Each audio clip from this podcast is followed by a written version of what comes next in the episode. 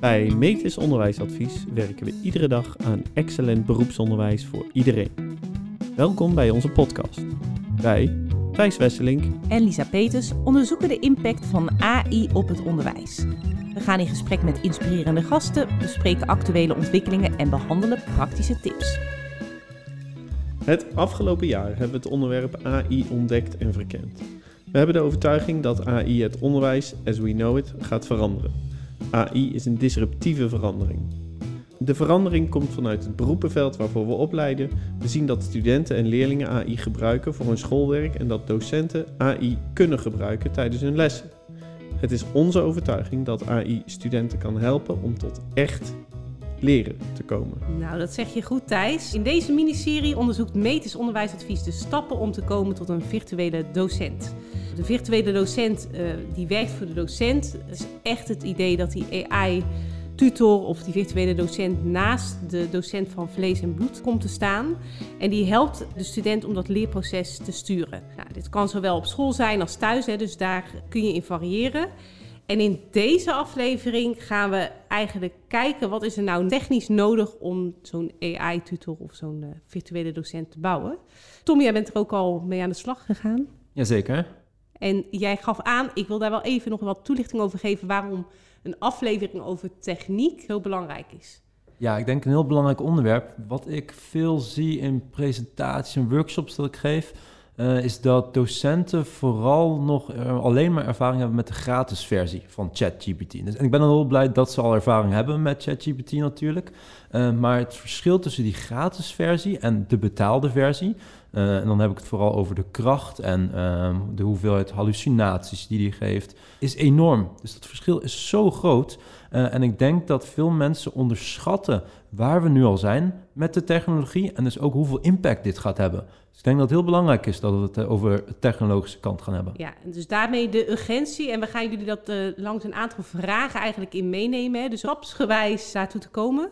En daar beginnen we even met de vraag van wat is nou mijn taalmodel? Dus echt even terug naar de basis.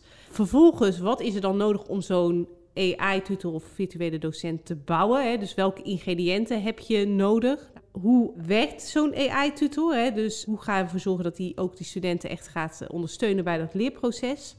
Wat is multimodaliteit? Daar gaf net Tom ook al aan. Hè? Dus het is niet alleen maar in tekst antwoorden, maar ook praten. En wellicht krijgt ook onze AI-tutor een gezicht. Wat is daar allemaal voor nodig om dat technisch in, uh, voor elkaar te krijgen? Wat mag wel en wat mag niet? We eindigen de podcast met de juridische aspecten. Nou, laten we even bij het uh, begin beginnen. Wat is een taalmodel? Een taalmodel dat eh, hebben wij eigenlijk ehm, allemaal in ons hoofd. En een taalmodel dat maakt kansberekeningen. Het voorspelt eigenlijk het volgende woord of een zin in een stuk tekst. Wij mensen hebben een taalmodel van ongeveer 20.000 woorden. Daarmee kunnen wij ook voorspellingen maken. Bijvoorbeeld, soep eet je met een... Lepel! De kans op de uh, antwoorden lepel en vork, die, die is echt het grootst. Want in, ja, in het taalmodel wat wij ons, in ons hoofd hebben, zit of het rijmpje ork, ork, ork, soep eet je met een vork, of je hebt het gesprek uh, waarbij soep eet je met een lepel gezegd wordt. Vrijwel iedereen kan dat dus invullen. Uh, ons taalmodel kan met de context van een eerder gegeven zin een voorspelling doen van wat er gaat komen. Het taalmodel dat we gebruiken voor de virtuele docent werkt heel vergelijkbaar. Het maakt voorspellingen met behulp van twee zaken. De regels waarmee het systeem getraind is, dus hoe moet zo'n systeem reageren, en de uh, vangrails, oftewel wat mag het systeem wel zeggen en wat mag het systeem niet zeggen. Ja, even dus uh, als studenten willen leren een atoombom te bouwen, dat mag niet. Hè? Dus dat zijn de vangrails die zo'n taalmodel heeft ingebouwd, dat je daar geen antwoord op krijgt. Ja, en eigenlijk iedere keer wordt dat taalmodel met een aantal extra regels wat scherper of wat beter uh, gezet. Daarnaast de dataset. De dataset waarmee het een kennisbasis heeft om te reageren. Bij ChatGPT 4 heeft het, moet ik het goed zeggen, 170.000 miljoen parameters. Oftewel stukjes woorden. En juist omdat het over zoveel data beschikt, kan het dus hele accurate kansberekeningen maken. Kanttekening die we daarbij moeten maken is dat het taalmodel geen waarde kan toekennen aan die berekening. Het kan dus niet zeggen of dat het goed of fout is, of dat het feitelijk juiste informatie geeft. Dennis, vertel. Nou, hier zit nog een uh, interessant stukje in uh, over wat Tom net zei, en het verschil tussen uh, de betaalde en de gratis versie. Want die, die vangrails die zijn niet alleen bedoeld om te zeggen wat hij niet mag zeggen, maar die vangrails helpen dat systeem in de betaalde versie ook om veel beter in de context te reageren. Dus je kunt je voorstellen, um, hè, dat, uh, zoals jij de, dat voorbeeld gaf met die vork, dat die in andere culturen zullen mensen misschien stokje zeggen, zeg maar iets. Hè, dus die, en die vangrails die helpen uh, het systeem om in die context een betere voorspelling te maken. Wat ik zelf wel een mooi voorbeeld vond, is wij waren de vorige keer met uh, kennisvragen, hè, dus een schriftelijke toets aan het maken. En uit de gratis versie krijg je dan, op het moment dat je zegt het moet een toepassingsvraag worden, dan gaat hij gewoon de vraag omzetten met het woord toepassen erin. En op het moment dat je het aan de betaalde versie vraagt, maakt hij er echt een toepassingsvraag mee. Dus je ziet gewoon dat hij daar net even beter begrijpt wat bedoel je hier precies mee. Beste luisteraars, wij willen absoluut geen GPT-4 abonnementen uh, verkopen. Het enige wat wij hier delen is, is, onze observatie over de, de effectiviteit van hoe dat werkt. En het is ook een heel logisch gevolg dat het systeem uh, beter werkt, want het beschikt over meer data. En als het over meer data beschikt, kan het accuratere antwoorden geven. Nou, dus dit is een taalmodel, die kennen we dus. Hè? Dus de basis waarop een AI-tutor gaat maken. Nou, we hebben ook gevraagd aan, in dit geval ChatGPT, de betaalde versie. Welke ingrediënten maken nou zo'n AI? Ja, zeker. Die uh, ingrediënten, ik zal even de belangrijkste punten eruit halen. Wij vroegen, wat is er nodig om een AI-tutor te bouwen?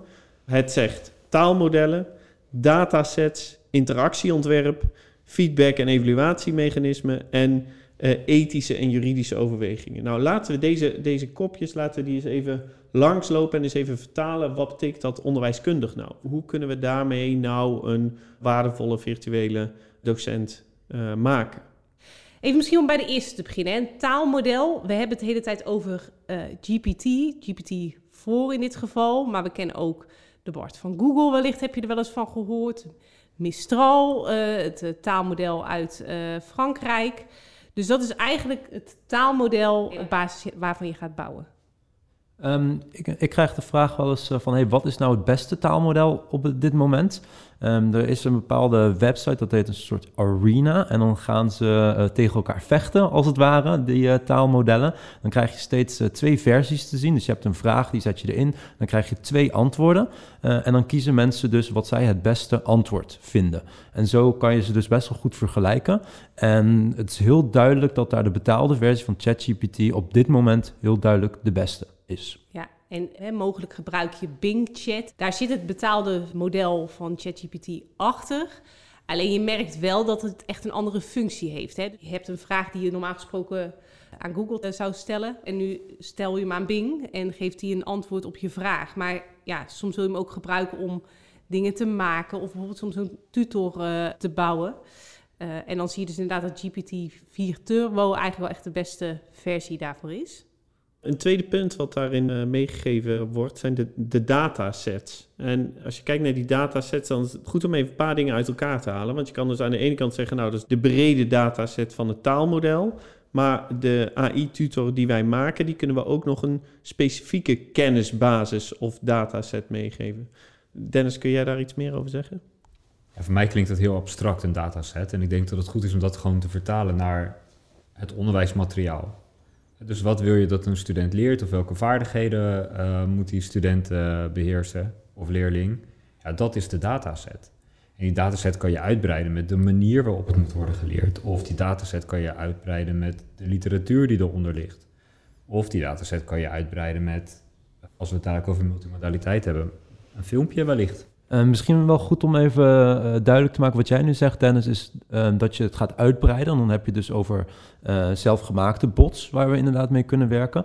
Maar misschien voor de luisteraars nog even duidelijk maken dat het taalmodel waar, waar, het nu op getraind is, dus de dataset die erachter zit, dat is een enorme dataset die op nou, een heel groot stuk van het internet is getraind. Dus daar zitten alle encyclopedieën, heel Wikipedia, een heel groot stuk van alle belangrijke fora, zoals Reddit. Maar ze hebben ook allerlei boeken erin gestopt. Uh, Zo'n enorme dataset en daardoor is hij al heel erg krachtig. Uh, en dat kunnen we nog krachtiger maken door wat Dennis zet, uh, door onze eigen data nog eens toe te voegen. Ja, ja en dat is alleen al misschien wel interessant, hè, want ze zijn ook bezig bij om een GPT Nederland uh, te bouwen. Hè. Daarbij is dus ook het idee dat, dat, dat die dataset dus gebaseerd is op de context zoals we in Nederland kennen. De Nederlandse literatuur, de Nederlandse onderzoeken, nou ja, de Nederlandse normen en waarden, weet je wel. Dus bij wijze van spreken op het moment dat je dus inderdaad niet vraagt... Uh, soep eet je met een... Hè, vraag je in dit geval, wie is de wederhelft van Bassie? Nou, dan weten wij allemaal dat is Adriaan. Maar dat, dat leer je dus op het moment dat je daar Nederlandse context uh, tegenaan uh, gooit. Dus die dataset bepaalt ook wat de antwoorden gaan zijn die je gaat geven. En in de context van het onderwijs is het natuurlijk super interessant van op het moment dat we die basisdataset kunnen uitbreiden met de methode die je gebruikt op dat moment, hè, de kennisbasis die op dat moment relevant is voor jouw uh, vak of module. Ja, of eigenlijk voor het doel van de chatbot, in dit geval de AI-tutor. Ja, precies. Hè. Daarmee geef je dus ook de kans dat hij met het juiste antwoord komt, wordt gewoon groter. Oké, het derde punt is ook wel een, eh, een, interessante. En daar is voor mij is eigenlijk ook wel een nieuwe wereld open gegaan. Als je kijkt naar um, uh, interactieontwerp. Dus met andere woorden, als je een tutor, een AI-tutor maakt, hoe wil je dan dat de tutor in gesprek gaat of het leren faciliteert met degene die het, die het gebruikt. Hoe zorg je ervoor dat dat leergesprek op gang komt? Lisa, we hebben daar een interessant gesprek gehad met Bart, toch? We hebben net al gehad over er zijn meerdere taalmodellen. Maar het is dus ook interessant van hoe geef je die interactie vorm. Hè? Als je kijkt naar de betaalde versie, kan je eigen GPT's bouwen. Uh, en daarmee vul je hem dus bijvoorbeeld in dit geval met je eigen kennisbasis. Maar je kunt ook meegeven hoe gaat de communicatie eruit zien. Nou, dat kan je in zo'n GPT bouwen, maar we hebben ook Bart gesproken. Het is misschien wel leuk om daar ook een fragment van uh, even te laten horen. Want Bart die is eigenlijk dat helemaal uit gaan kouwen in een andere tool.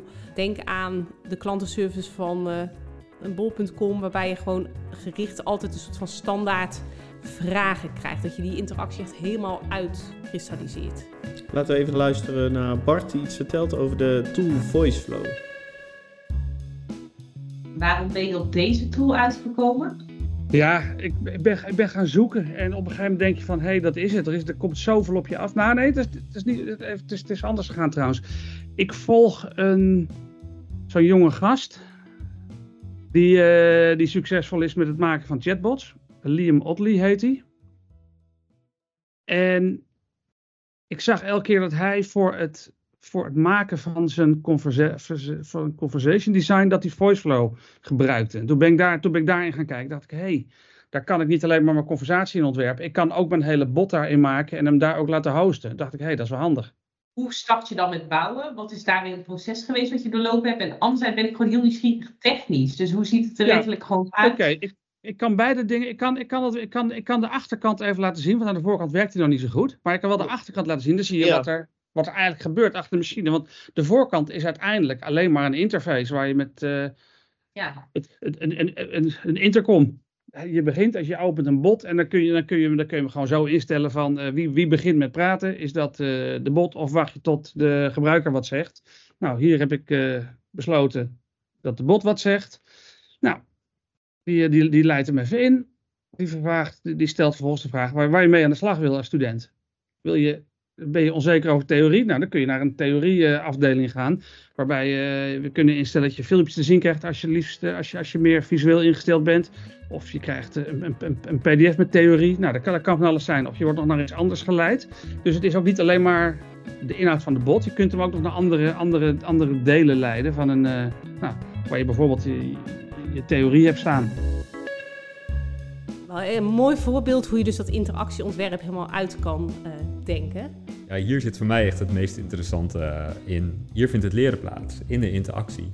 Kijk, iedereen kan, uh, je kunt je wel een voorstelling bij maken dat kennis op zich, ja, door kennis te hebben, gaat een student of een leerling natuurlijk niet leren. Hè? Een, een, Uh, Wikipedia heeft ook alle kennis, maar er wordt er nog niet per se geleerd. En in die interactie, die je dus kunt vormgeven, ja, daar vindt dus effectief leren plaats. Ja, precies. En Tom, jij bent daar ook mee aan de slag geweest met uh, op een andere manier. Hè? Dus jij hebt geen voice flow gebruikt, maar jij hebt het in je eigen GPT gebouwd. Ja, ja, zeker. En wat Dennis zegt is denk ik heel erg waar. Dus daar zit echt een hele grote meerwaarde hoe we die dingen gaan programmeren. Uh, daar hebben we natuurlijk veel over nagedacht. En wij kwamen niet per se op dat er één beste optie is, uh, maar dat je de leerlingen eigenlijk de keuze gaat geven. Dus in onze uh, AI-docent van Aisha bouwen we dat je dat zelf kan bepalen. Dus we hebben meerdere stijlen. Dus we hebben bijvoorbeeld een Socratische stijl. En die gaat jou gewoon de hele tijd bevragen over bepaalde dingen. Dan ga jij iets uitleggen en dan word je weer bevraagd. Dus dat is een hele interactieve stijl. Een andere stijl die we hebben is een, docent die gewoon allerlei voorbeelden geeft, helemaal gaat vertellen, helemaal iets gaat uitleggen. Maar deze interactiestijl, ja, daar moet je goed over nadenken. En daarom hebben wij dus ook gekozen om meerdere stijlen erin te programmeren. Hoe kiest dan de taalmodel of kiest de student zelf wat voor type stijl die terugkrijgt? Ja, we hebben nu uh, ingesteld, uh, dus bij ChatGPT heb je gewoon een prompt, daar kan je doen. Maar wij hebben uh, zelf een platform gebouwd en dan kan je dus zelf kiezen welke, met welke docent je wil interacteren. Dus dat is best wel intuïtief dat je dat kiest. maar we moeten ook zeggen, we willen ook gewoon gaan testen hoe dat werkt. en deze week gaan we de eerste pilots draaien. Ja, dat is wel Heel super mooi. interessant. En als je dus, dus kijkt, eigenlijk het verschil met, met VoiceFlow, wat, wat Bart net vertelde is dat daar het initiatief van de vragen en de manier van leiden van het onderwijs eigenlijk bij de docent ligt. En eh, eh, jij zegt, Tom, het initiatief ligt bij de student. Waar de, waar de leervoorkeur ligt, kan die zelf een, een type van vragen of uh, leerroute volgen. Ja, het ligt denk ik heel erg aan het onderwijs wat je wil hebben. En dat, dat, dat is die constructive alignment, waar we het volgens mij eerder ook hebben, over hebben gehad. Dat je goed moet nadenken, waar willen we met de leerling of student heen? Uh, en daar, op basis daarvan wil je je onderwijs gaan ontwerpen. En dat kan je op allerlei manieren doen. Ja, kijk, ik denk als je het naar de onderwijstheorieën kijkt, heb je, we benoemen nu het verschil tussen student en docent gericht. Hè? Dus uh, uh, waar, ligt waar ligt de sturing op het leren? Met alles wat we net bespraken, als je naar de leerfuncties van Vermunten kijkt, zit het nu vooral natuurlijk op het cognitieve deel. En natuurlijk wordt dat metacognitief ondersteund, anders vindt er geen leren plaats. Maar het interessant is denk ik dadelijk in de toekomst, of misschien heel snel hoop ik, dat je de uh, bot zo kunt programmeren dat er soms sprake kan zijn van studentgericht, soms van docentgericht, soms van cognitief leren, metacognitief leren en dat er ook een affectieve component in zit. Dus dat het echt een veel bredere tutorrol krijgt dan alleen gericht op uh, cognitief. cognitief. Ja, en wat natuurlijk wel interessant is, van kan zo'n chatbot dat inschatten? Hè? Dus kan die de context bepalen waar zo'n student op dat moment behoefte aan heeft? Of bepaalt de student, in jullie geval, dat zelf, dat je dus kunt kijken welke stijl spreekt mij het meeste aan? Of waar heb ik op dit moment behoefte aan? Ja, maar als je Tom hoort, hè, heeft hij een van de drie meest effectieve leerstrategieën voor studenten, is natuurlijk uh, de transfer maken door iets te leren en het uit te leggen aan iemand. Kijk, en als je een bot zo kunt laden dat hij een combinatie kan maken tussen docent en studentgericht, uh, met de leerfuncties van vermuntrekening houdt, effectieve leerstrategieën aanleert, ja, dan heb je het hele pakket te pakken. En dan wordt het denk ik een nog waardevollere tool uh, dan, even plat gezegd, uh, Tom, examentraining. Mooi. Ja. Een vierde punt waar het systeem mee, mee kwam was feedback- en evaluatiemechanismen.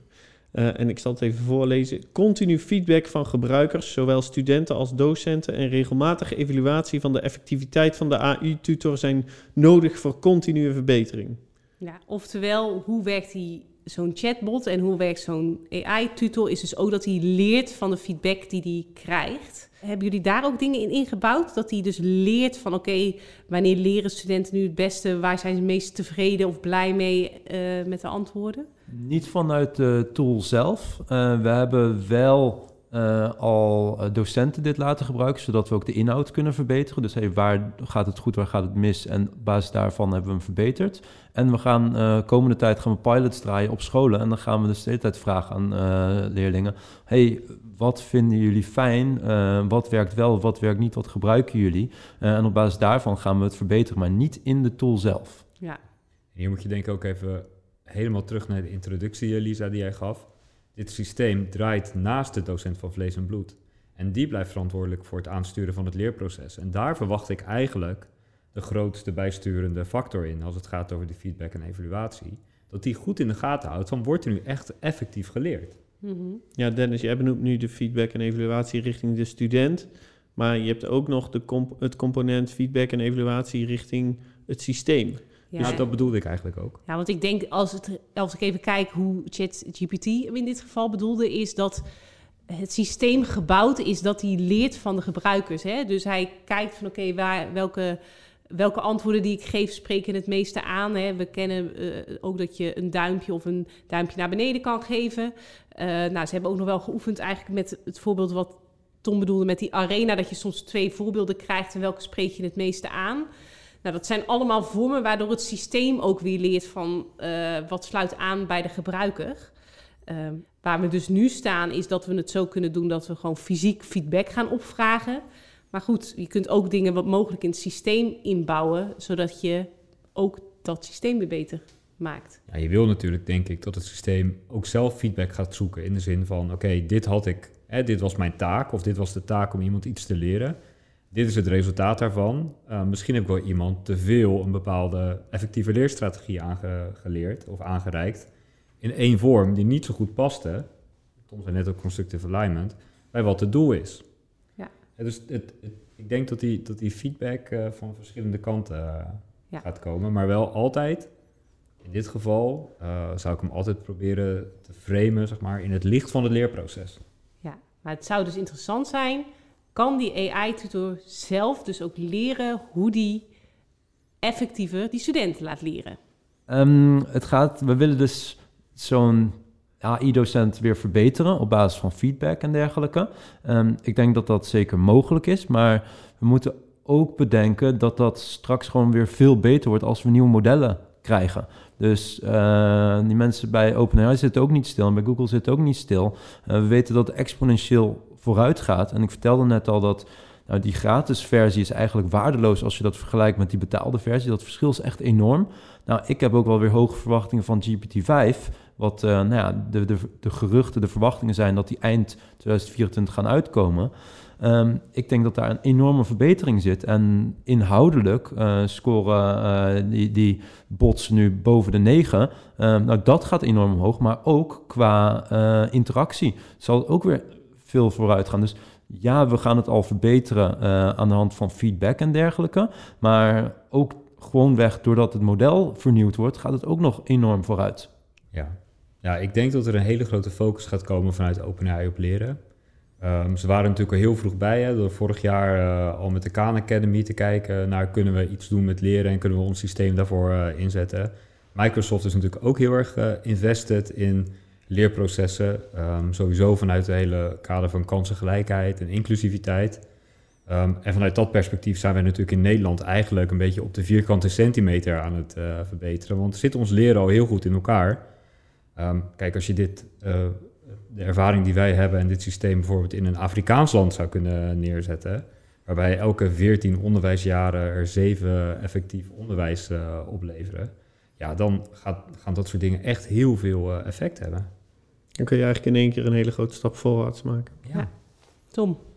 Uh, mee eens dat het in uh, dat soort landen nog meer impact gaan hebben. Maar wat je zegt dat ons onderwijs al goed in elkaar zit. We weten ook uh, uit onderzoek dat um, als wij een leerling een één op één tutor geven, dat zij twee uh, standaard deviaties beter gaan scoren. Dus een gemiddelde dus, uh, leerling scoort dan opeens um, in de beste 5% van de klas. Dus dat verschil is enorm. Ja. En volgens mij hebben we hier de mogelijkheid met die AI-docenten om daarheen te gaan. Dus ook in Nederland is echt nog veel verbetering mogelijk. Ja, maar Ja. goed dat je dat zegt, want ik bedoelde relatief hè, Ja. ten opzichte van. En wat denk ik belangrijk is ook om dus daar als school, als opleiding het gesprek over aan te gaan. Want als we het hebben over kansengelijkheid, weten we ook dat over het algemeen vooral hoogopgeleide ChatGPT gebruikt.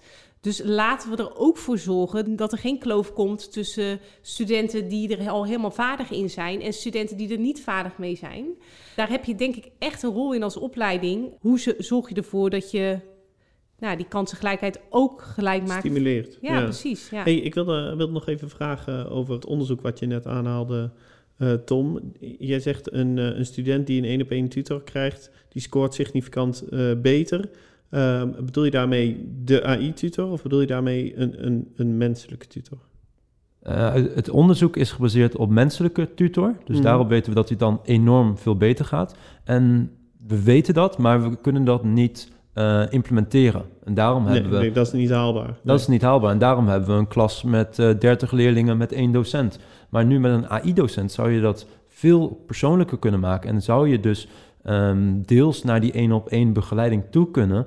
Ehm, ik ben het wel met je eens, eh, dat moet je wel nuanceren. Dat zal echt niet zo goed zijn als een menselijke tutor, verwacht ik. Ehm, maar we kunnen daar wel deels heen. Oké, Mooi. even samenvatten. Dus we hebben gezegd, we hebben een taalmodel nodig. Kan je keuzes in maken? Aanbeveling, ChatGPT voor je is de beste. We hebben datasets nodig. Nou, daar hebben we al de dataset van OpenAI, eh die daar eh, eh, een hoop tegenaan heeft gegooid. Maar je kunt die uitbreiden in de betaalde variant met je eigen kennisbasis. We hebben gezegd dat interactieontwerp, dat is cruciaal. Daar gaat het leren in plaatsvinden. Nou, daar kun je dus voor verschillende manieren, zoals Dat- Tom aangeeft, Ja, dat interactieontwerp stimuleren, of eigenlijk die interactie stimuleren. ja, en daar zit je variatie en je innovatie denk ik ook in. Nou, we kunnen feedback- en evaluatiemechanismen inbouwen zodat die AI-toeter steeds slimmer wordt. Dat doet het model voor zichzelf ook. Maar hoe zorgen we ervoor dat we ook leren van de feedback van studenten en docenten? En daar gaan de eerste pilots nu mee draaien. Hoe ervaren ze het? Tot slot, ik denk een belangrijke om af te sluiten, mogelijk bij de introductie dacht je, waarom past deze vraag er ook bij?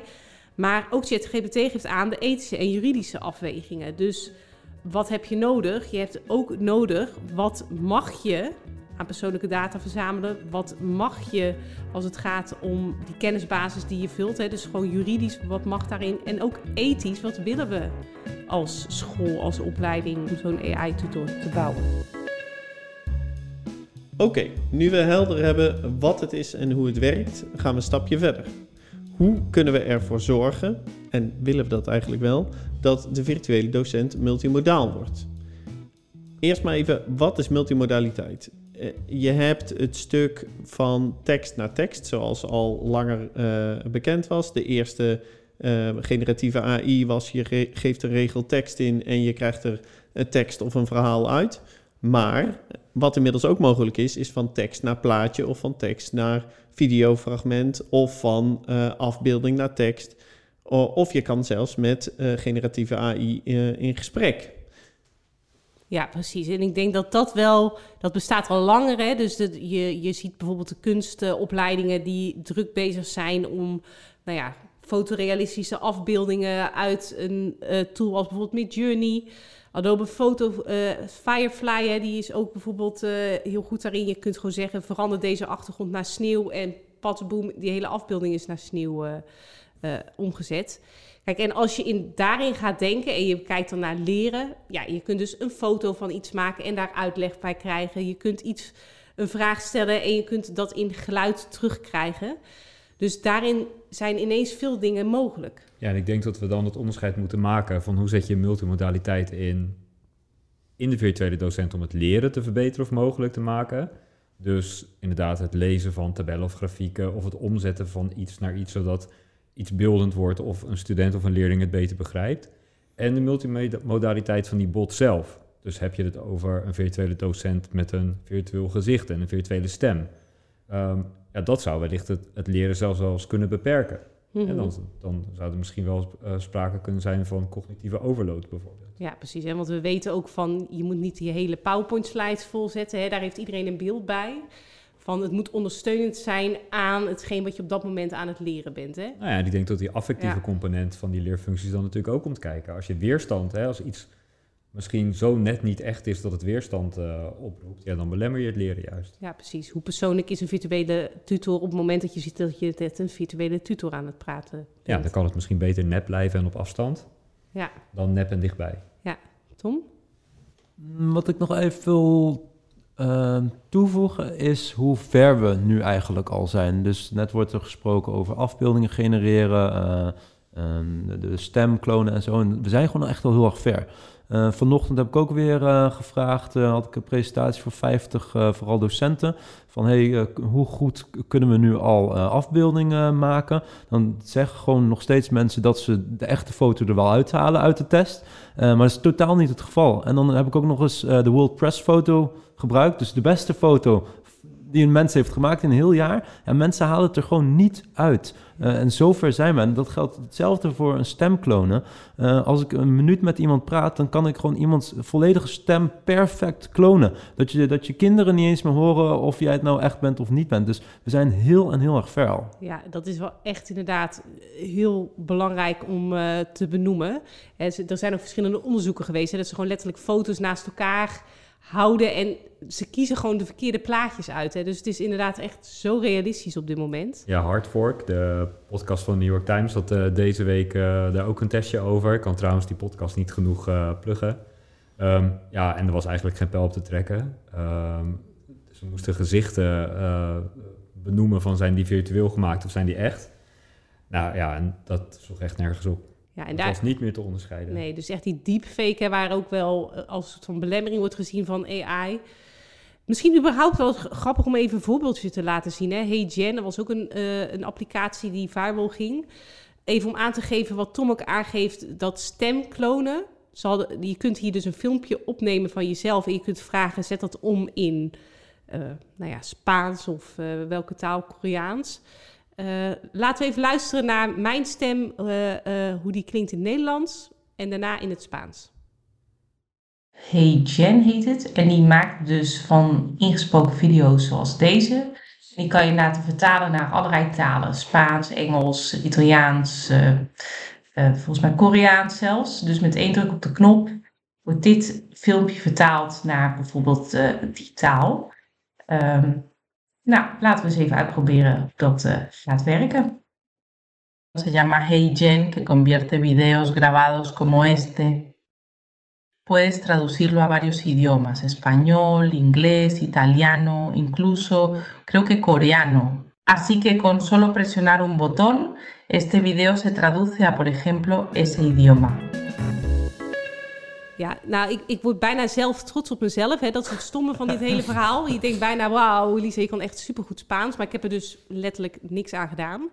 En voor de mensen die deze tool kennen, je ziet mij dus ook in dit geval gewoon in een filmpje met de passende lip sync. Want dat doet hij dus ook. Hè. Dus hij past ook nog de, uh, de video aan en uh, de mimiek aan. Dus je bent op dit moment heel ver. En als je dit dus al mogelijk is, dan kan iedereen zich voorstellen dat als jij je eigen avatar maakt met je eigen stem, waar je een paar minuten van opgenomen hebt, dat je dus inderdaad uh, eruit kan zien. En nu is een echt een avatar, daar, die haal je er nog wel uit. Hè? Dus als je bewegend beeld hebt, dat is op dit moment, maar dat is echt de vraag, hoe lang gaat dat duren voordat je gewoon echt niet meer ziet dat het nep is.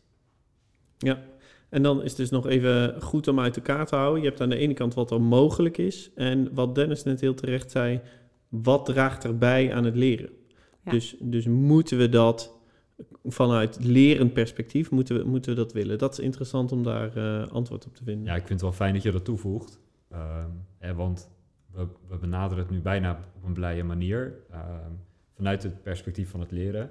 Maar laten we niet vergeten welke eh, gevolgen dit kan hebben op onze maatschappij en op nieuws en op uh, uh, verkiezingen bijvoorbeeld. Ja, en kan jouw studentje nou als docent dan ook ineens andere dingen laten zeggen in, uh, hè, dus, ja. in, in, een compromitterende houding aan laten treffen? Ja. Um, we hebben het dan nu vooral over AI als tutor, maar je kan hem natuurlijk bijvoorbeeld ook inzetten als simulator.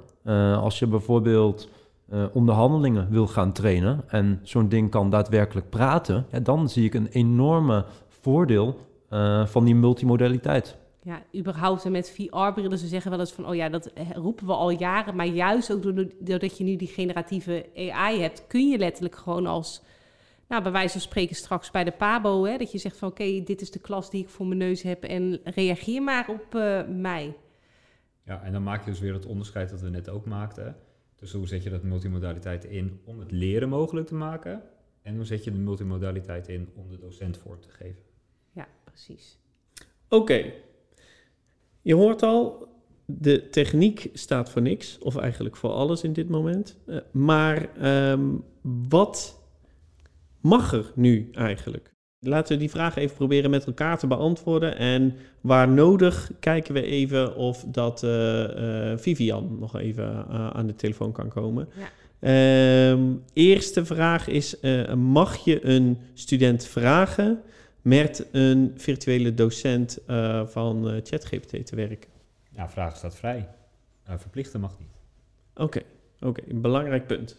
Oké, mag een virtuele docent vragen om uh, werk na te kijken van uh, studenten? Het antwoord is nee. Ja, vragen mag, maar... Uh, mag dat moet de student zelf vragen, ja precies. Dus dat is misschien überhaupt, hè, wat, ik, wat Vivian ook uitlegt. Je bent als student, heb je zelf, ben je auteur over je eigen werk. Dus jij mag dan bepalen of je dat wilt delen, maar dat mag je niet als docent zomaar bepalen. Nou, we hebben net over dat multimodale gehad. Dus een andere vraag is van, oké, mag je de virtuele docent een gezicht en stem geven? Ja, ik denk dat het antwoord uh, daar uh, ongenuanceerd ja op is en genuanceerd nee. ja, als het virtueel gegenereerd is. want immers hebben we van Vivian geleerd, het eigendomsrecht ligt niet bij het model. Dus je kunt dat gewoon gebruiken. Het mag, als je dat zelf besluit, hè, dus je mag je eigen stem en je eigen beeld natuurlijk gewoon weggeven of gebruiken in een model. Nee, je mag niet een bekend persoon gebruiken. Uh, dus uh, iemand anders gezichts- of stem kenmerken. Omdat je denkt dat het aansprekender is. Hè? Dus Brad Pitt voor de Pabo, nee, dat mag echt niet. misschien Napoleon wel, want die is alweer een tijdje dood. Ja, precies. Dus ook al zou dat natuurlijk wel super aantrekkelijk zijn om met je eigen goeroe of, of, of, idool te kunnen praten, daar zitten wel wat restricties op überhaupt zijn ze volgens mij ook echt aan het kijken als het gaat om gezicht, stem, beeld. Gaat daar een kenmerk aankomen? Hè? Dus van tekst naar tekst, dat blijkt best wel lastig te zijn om daar een soort van label op te zetten. Dit is door AI gegenereerd. Maar als het gaat om gezichten en stemmen, daar zijn ze wel mee bezig om daar een soort van watermerk, watermerk uh, op te zetten. Uh, nou ja, dat is ook nog wel interessant naar de toekomst toe, dat je daarmee dus ook uh, een uh, filmpjes die door studenten gemaakt zijn kan herkennen op het moment dat dat door uh, AI gegenereerd is. Of andersom, studenten weten, is het een echte docent die dit filmpje heeft opgenomen of een uh, virtuele docent? Ja, sowieso zitten we nu nog een beetje in een uh, regelvacuum. Er worden wel een aantal regels en wetten over bedacht nu. Zo is de AI Act is net door het Europees uh, parlement heen. Um, maar um, uh, hoe die toekomst eruit ziet, ja, die wordt dus eigenlijk steeds voorspelbaarder. Dennis, jij wil daar iets over uh, toelichten? Ja, er zijn natuurlijk heel veel juridische haken en ogen te benoemen. Um, ik zou wel zeggen, blijf wel experimenteren als je dit wilt en doe het. Zorg dan wel dat wat je doet, dat je dat leerweg onafhankelijk vormgeeft. Hè? Dus dat de student een keuze heeft. Uh, ja, en uit die keuze volgt natuurlijk ook, verplicht dan het gebruik van ChatGPT niet, maar maak dat optioneel. Ja, en uh, dan uh, kan je volgens mij je hart ophalen. Ja. Oké, okay. we hebben een beeld gekregen hoe dat AI technisch kan werken. We weten dat het mogelijk is. En uh, of het al mag is een tweede, maar dit is de richting waarin het beweegt. Volgende keer gaan we experimenteren. We vragen aan docenten en aan studenten hoe zij het gebruik van de AI-tutor Aisha ervaren. Wat brengt ze en waar remt het ze? De traditie uh, volgend hebben we de transcripten even in uh, ChatGPT gezet. En ChatGPT, wij vragen ons eigenlijk af, nu er zo over jou gepraat wordt, wat vind je er eigenlijk zelf van? Inhoudelijke feedback, technische uitdieping. De podcast slaagt erin om de technische fundamenten achter de AI-tutor goed te verkennen, maar zou kunnen profiteren van een duidelijker onderscheid tussen de huidige mogelijkheden en de toekomstige visie. Er is ruimte voor een dieper inzicht in hoe deze technologieën concreet kunnen worden toegepast binnen verschillende onderwijsniveaus en disciplines. Ethiek en bias. De podcast raakt kort de ethische overwegingen aan, maar gezien het belang van deze thema's bij de ontwikkeling van AI in het onderwijs zou een grondiger behandeling passend zijn. Vragen over data privacy, bias in AI-modellen en de impact op de leerervaring verdienen meer aandacht. Drie tips voor de volgende aflevering. Ervaringen van gebruikers. Richt je op interviews met zowel docenten als studenten die ervaring hebben met AI-tutors. Hun directe feedback kan licht werpen op de effectiviteit, gebruiksvriendelijkheid en impact van deze technologieën in de praktijk. Ik hoop dat deze manier van voorlezen overeenkomt met wat je in gedachten had. Super, bedankt ChatGPT. Zeker die tip over de gebruikerservaring, die gaan we meenemen. Want het plan voor de volgende aflevering is om samen met Tom een test te gaan doen. Om te kijken hoe de bot Aisha gebruikt wordt. Dus daarover meer in aflevering 3. Tot de volgende keer.